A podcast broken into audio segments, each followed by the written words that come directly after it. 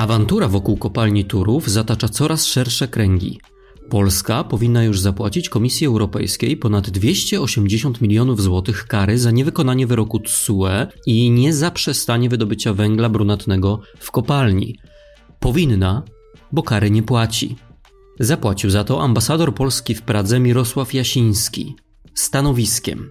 W rozmowie z Deutsche Welle Jasiński skrytykował dyrekcję PGE, właściciela kopalni w Turowie, zarzucając jej brak empatii i dobrej woli. Rozwścieczył tym władze w Warszawie, a rzecznik rządu Piotr Müller natychmiast zapowiedział na Twitterze odwołanie Jasińskiego. Politycy PiS mówili nawet o zdradzie dyplomatycznej. Minęły jednak dwa tygodnie, a dymisji ambasadora nadal nie ma. Jest za to nowy rząd w Pradze i nowa ministra środowiska. Polska i Czechy wróciły zaś do stołu negocjacyjnego w sprawie Turowa. O co właściwie chodzi w sporze o kopalnię węgla i elektrownię Turów? Dlaczego Czesi mają dość sąsiedztwa kopalni? Jak wygląda życie codzienne po czeskiej stronie granicy? I wreszcie, jak to możliwe, że za obrazę uczuć kopalni pracę traci ambasador w Pradze, a o wszystkim informuje rzecznik rządu na swoim Twitterze? Czy upokorzony Jasiński w ogóle przestał być ambasadorem? Zaczyna się Praha Południe, reportersko-opiniowy podcast krytyki politycznej z Republiki Czeskiej. Zaprasza Sławek Blich. Jmenuje se Aligátor. To je zase ožrale, jak obyčejně. Zloděj, zloděj. Pane premiére, chovejte se slušně. Jak velký tlak se ještě Česko může dostat? Jestli tady půjdeš, dostaneš flákanec. Jednu konkrétní věc, prosím. Sorry jako, ale pohoda.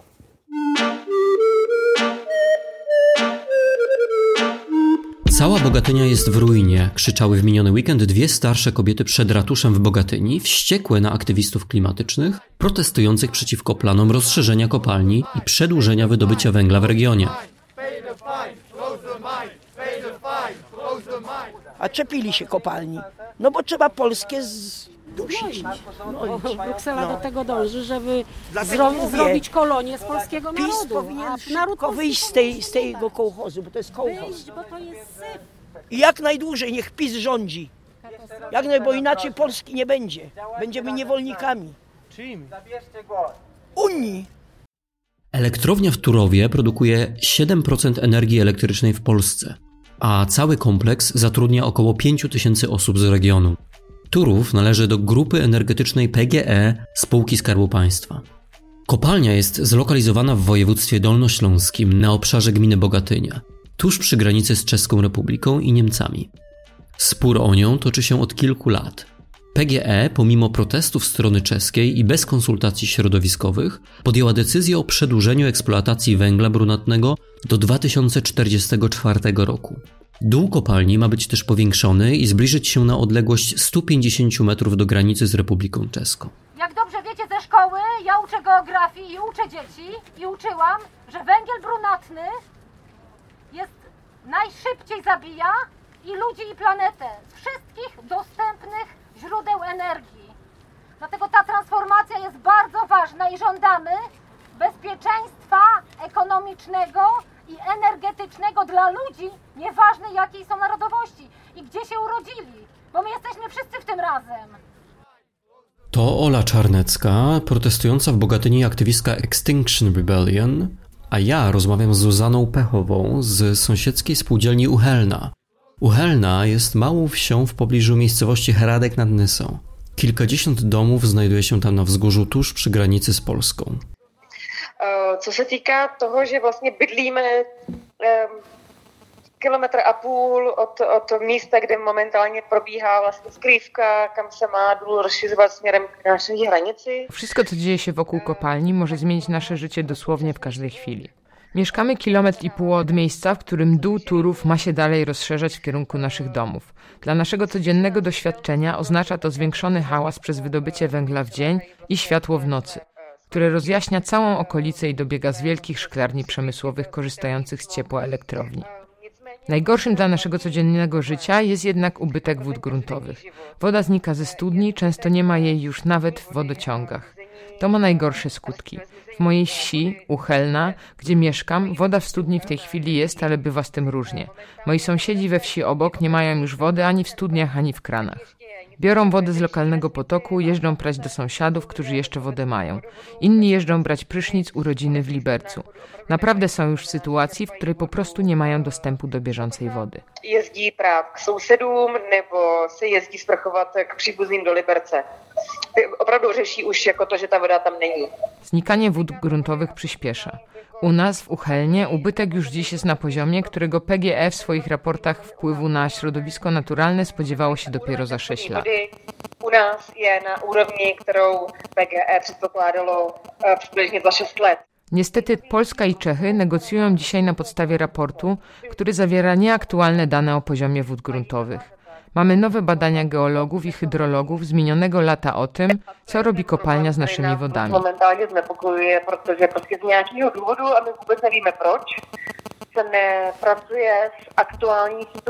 Niepokoi nas to bardzo, nie rozumiemy, dlaczego nie pracuje się na najnowszych danych. A jaka jest rzeczywistość? Taka, że naprawdę już w tym roku możemy tu nie mieć wody. Toho té těžby směrem k našim hranicím, protože už teď no, ta čísla úbytku spodní vody, prosakování spodní vody a podobně. A, a... Chcemy, żeby PGE porzuciło plany rozszerzania kopalni w kierunku naszej granicy.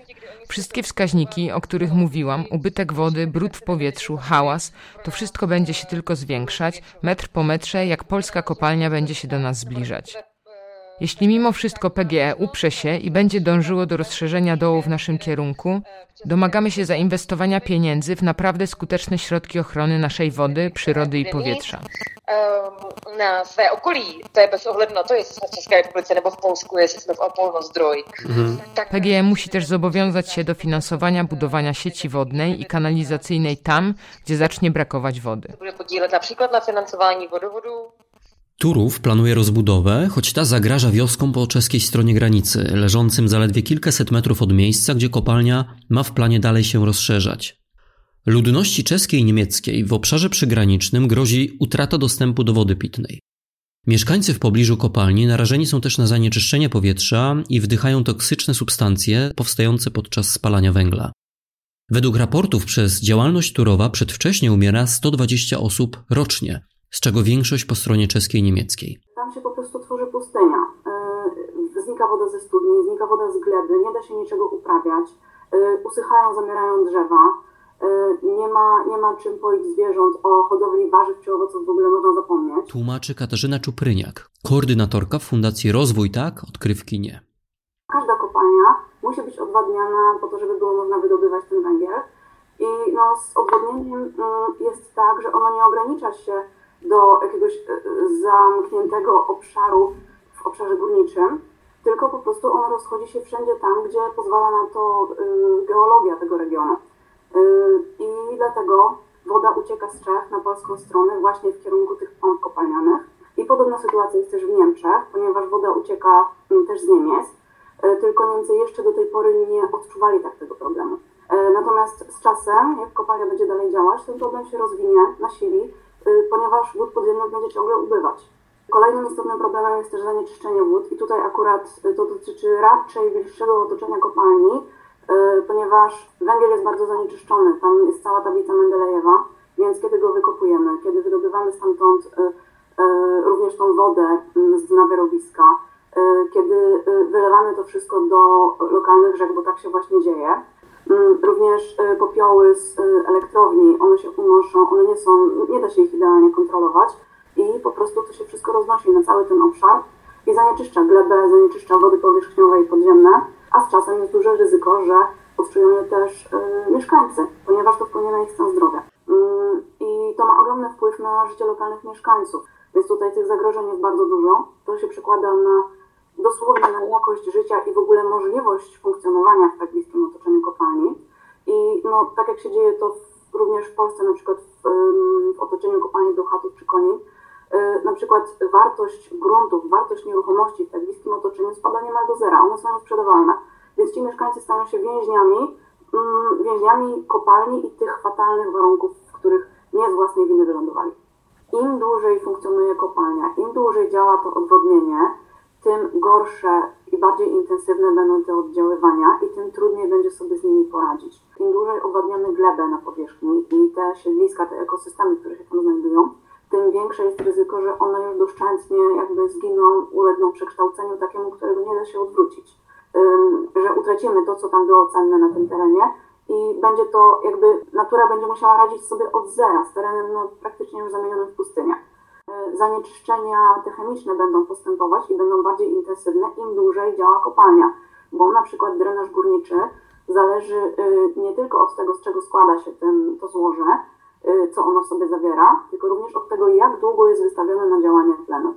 Im dłużej siarka zawarta w tym złożu ma dostęp do tlenu z atmosfery, czyli, czyli im dłużej jest osuszone bez wody, tym więcej siarki zdąży się utlenić i zamienić potem w konsekwencji w e, kwas siarkowy i prowadzić do tego właśnie drenażu, czyli do tego zanieczyszczenia wód podziemnych. E, tak więc im dłużej zwlekamy, tym gorsze będą te efekty dla środowiska, czyli nie tylko kwestia czasu oddziaływań, ale tego, że one faktycznie będą gorsze. W maju Trybunał Europejski nakazał zatrzymanie wydobycia węgla w kopalni Turów, ale strona polska to orzeczenie ignoruje. Unia Europejska nałożyła na Polskę karę w wysokości pół miliona euro za każdy dzień wydobycia. Polski rząd deklaruje, że kary nie zapłaci. Komisja informuje, że jeżeli pieniędzy nie otrzyma, potrąci środki z przyznanych naszemu rządowi unijnych funduszy. To jak daleko jsme k nějakému kompromisu asi bude záležet na polskiej stronie. Mówi Paweł Farski, burmistrz Hradku nad Nysą, znajdującego się około 10 km od Bogatyni. Tím, že uh, se ujednali nějaké podmínky té smlouvy, které pak polská strana trošičku couvla, to, jak daleko jesteśmy od kompromisu, zależy tak naprawdę od strony polskiej. Umowa już raz była blisko, w poprzednich dokumentach mieliśmy dogadane jej warunki, ale polska strona zdążyła się w międzyczasie trochę wycofać. W Czechach mamy nową ministrę środowiska i nowy rząd. Wystartowała nowa tura rozmów w sprawie Turowa na szczeblu ministerialnym. Mam szczerą nadzieję, że strony się porozumieją. Blázni abyśmy si dokázali przedstawić, że nebo abyśmy Po kompromisie możemy spodziewać się prawdopodobnie tego, że umożliwi Polsce kontynuację wydobycia, czego Polska potrzebuje i co musi w tej chwili robić. Chcę podkreślić, że my naprawdę nie jesteśmy naiwnymi błaznami. Nie oczekiwaliśmy nigdy, że Polska z dnia na dzień zakończy wydobycie węgla i zamknie kopalnie tak olbrzymich rozmiarów jak Turów. To, czego się domagamy i co jest w umowie międzyrządowej, to zapisy gwarantujące nam, żeby Turów miał jak najmniejszy wpływ na nasze tereny i nasze życie. Jest to w umowie, która leży teraz na stole i która jest przedmiotem porozumień między naszymi krajami. Cieszyłbym się, gdyby udało się dogadać. Ludziom w okolicznych wsiach pojawiają się pęknięcia na fasadach domów. Dotyczy to także mojego domu w Oldrzychowie. Podobnie jak inni, doświadczam uporczywego hałasu prawie non-stop, całą dobę. No i ten krajobraz. Kiedy pojedzie pan drogą do Hradku nad Nysą i spojrzy w stronę granicy z Polską, zobaczy pan istny Mordor. do Hradku nad Nisą a kouknete se do Polska, tak tam widzicie Mordor, protože tam są te skleníky. Przez całą noc od strony gigantycznego dołu w ziemi bije strasznie silne światło z przygranicznych szklarni przemysłowych, gdzie uprawiane są warzywa i owoce korzystające z ciepła elektrowni. Światło to rozżarza słupy dymu, kurzu i pary wypychanej z wielkich kominów elektrowni. Wygląda to niewiarygodnie brzydko, jak brama do piekła. Woda jest największym problemem. Kiedy przeprowadziłem się do Oldrzychowa, przez wieś płynął normalny, wartki potok. Dziś jest on kompletnie suchy. O ile nie pada deszcz, nie znajdzie pan w nim nawet kropli wody. Pustynnienie okolicy jest bezdyskusyjne, nie podlega wątpliwości. To nasza największa udręka związana z sąsiedztwem kopalni Turów. W Wacławicach, nieopodal Hradku nad Nysą, nie ma wodociągów. Ludzie mają tam w większości własne studnie, które im powysychały. Były chwile, zwłaszcza w czasie letnich upałów, że ludzie nie mieli czym spłukiwać toalet, ani jak się umyć.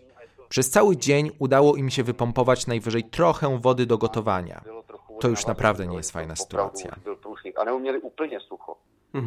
Že prostě neměli vůbec nic a to, je, to, je, to už je špatně. No. To, co mnie boli w tej sprawie tak naprawdę, to to, że w niektórych polskich mediach pojawiły się informacje o tym, że czeska strona się awanturuje, że chce robić Polsce na złość, zamknąć kopalnie i zabrać Polakom miejsca pracy.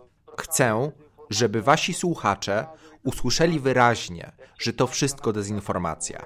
W ramach umowy między Czechami a Polską nigdy o nic takiego nie wnioskowaliśmy.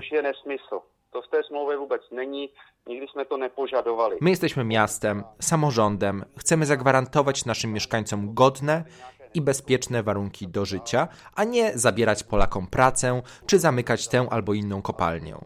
Jakby udało się zatrzymać tę medialną dezinformację, negocjacje między naszymi krajami szłyby łatwiej. Jo, takže tahle ta dezinformace, kdyby se napravila, tak věřím tomu, že veškerá jednání budou snažší a budou konstruktivnější. Jestem bliski tego, co znajduje się w umowie czesko-polskiej w sprawie kopalni Turów. Myślę, że to jest fair. Są w niej zapisy chroniące nie tylko czeską, skarżącą się stronę, ale także polskie terytorium, jego przyszłość i miejsca pracy polskich górników. Jeśli uda się dotrzymać porozumienia, czescy obywatele będą mieli zagwarantowany dostęp do pitnej wody, co jest naszym priorytetem. Ale rozwiązany zostanie także problem hałasu, smogu i wizualnej organizacji pogranicza, żeby nie wyglądało to tak, jak to panu przed chwilą opisałem. Wszystko to będzie oczywiście kosztowało, ale kopalnia Turów to jest taki kolos, że będzie to dla niej wykonalne. udělat nebo zařídit, tak důl Turov je takový kolos, že tohle to pro něj není nic asi zas tak, zas tak nákladného a, a hrozného.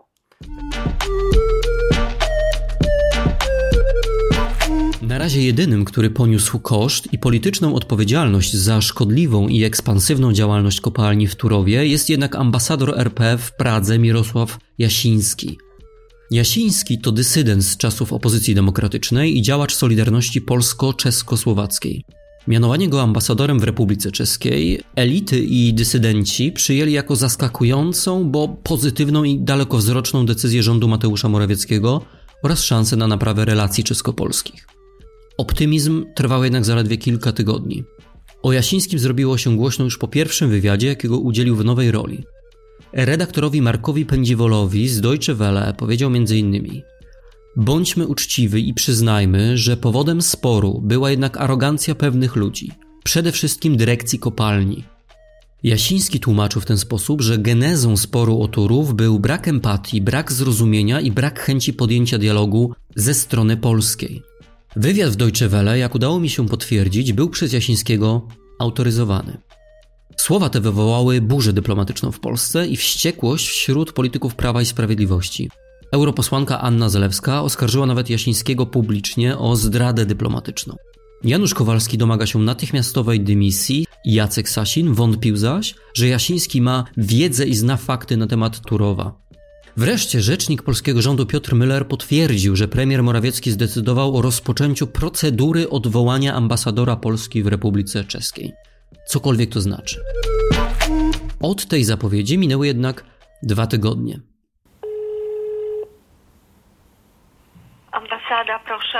Dzień dobry pani, E, Sławek Blich, krytyka polityczna. E, Ja dzwonię w sprawie następującej. Przed kilkoma tygodniami kontaktowałem się z państwem w sprawie organizacji e, wywiadu z ambasadorem Jasińskim. Mieliśmy to już dogadane, ale potem wydarzyły się sprawy wiadome i od tego czasu próbuję ustalić rzecz następującą, która wydaje się dosyć prosta. To znaczy, czy ambasador Jasiński jest nadal ambasadorem, czy już nie?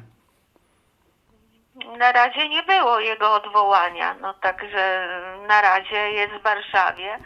Kiedyś- My tylko wiemy Mhm. to, co też my wiemy z medii, że została y, rozpoczęta procedura odwołania i nic więcej. Czyli na dzień, Po prostu dzisiejszy, na dzień dzisiejszy ambasadorem wciąż pozostaje ambasador Jasiński tak długo, jak ta tajemnicza jest procedura. W Warszawie, jest w Warszawie, e, e, p- poza e, terytorium kraju urzędowania, a e, w, w, czasie jego nieobecności e, pełni funkcję charge d'affaires pan Antoni Wręga. Mhm. I taka jest sytuacja. Okej, dobra, dziękuję pani bardzo za tą informację. Wszystkiego dobrego, Proszę do usłyszenia. bardzo. Do widzenia.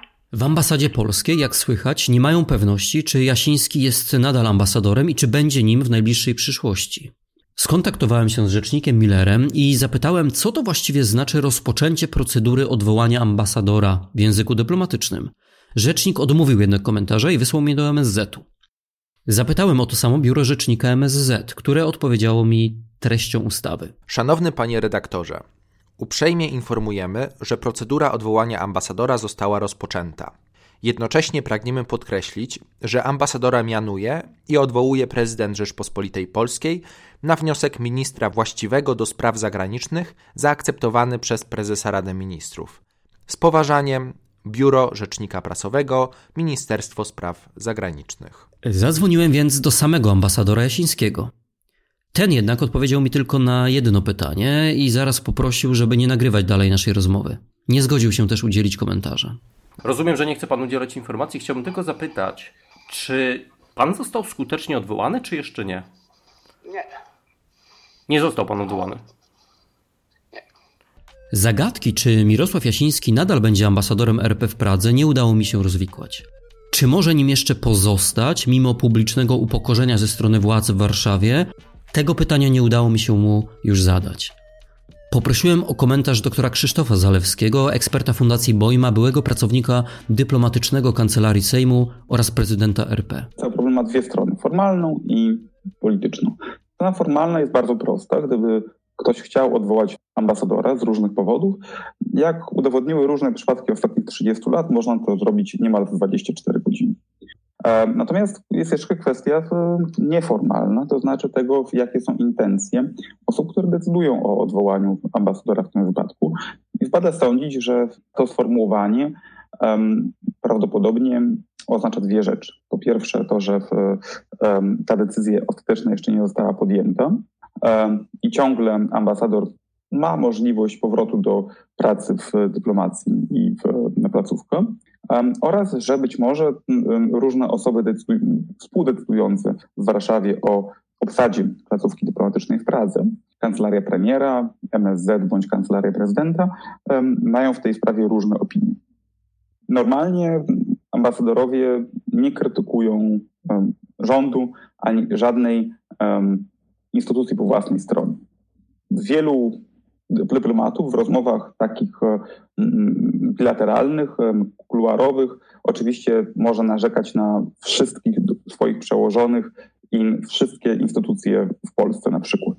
Natomiast publicznie nie należy tego robić, bo się po prostu osłabia swoją pozycję negocjacyjną. To po prostu jest błąd w sztuce.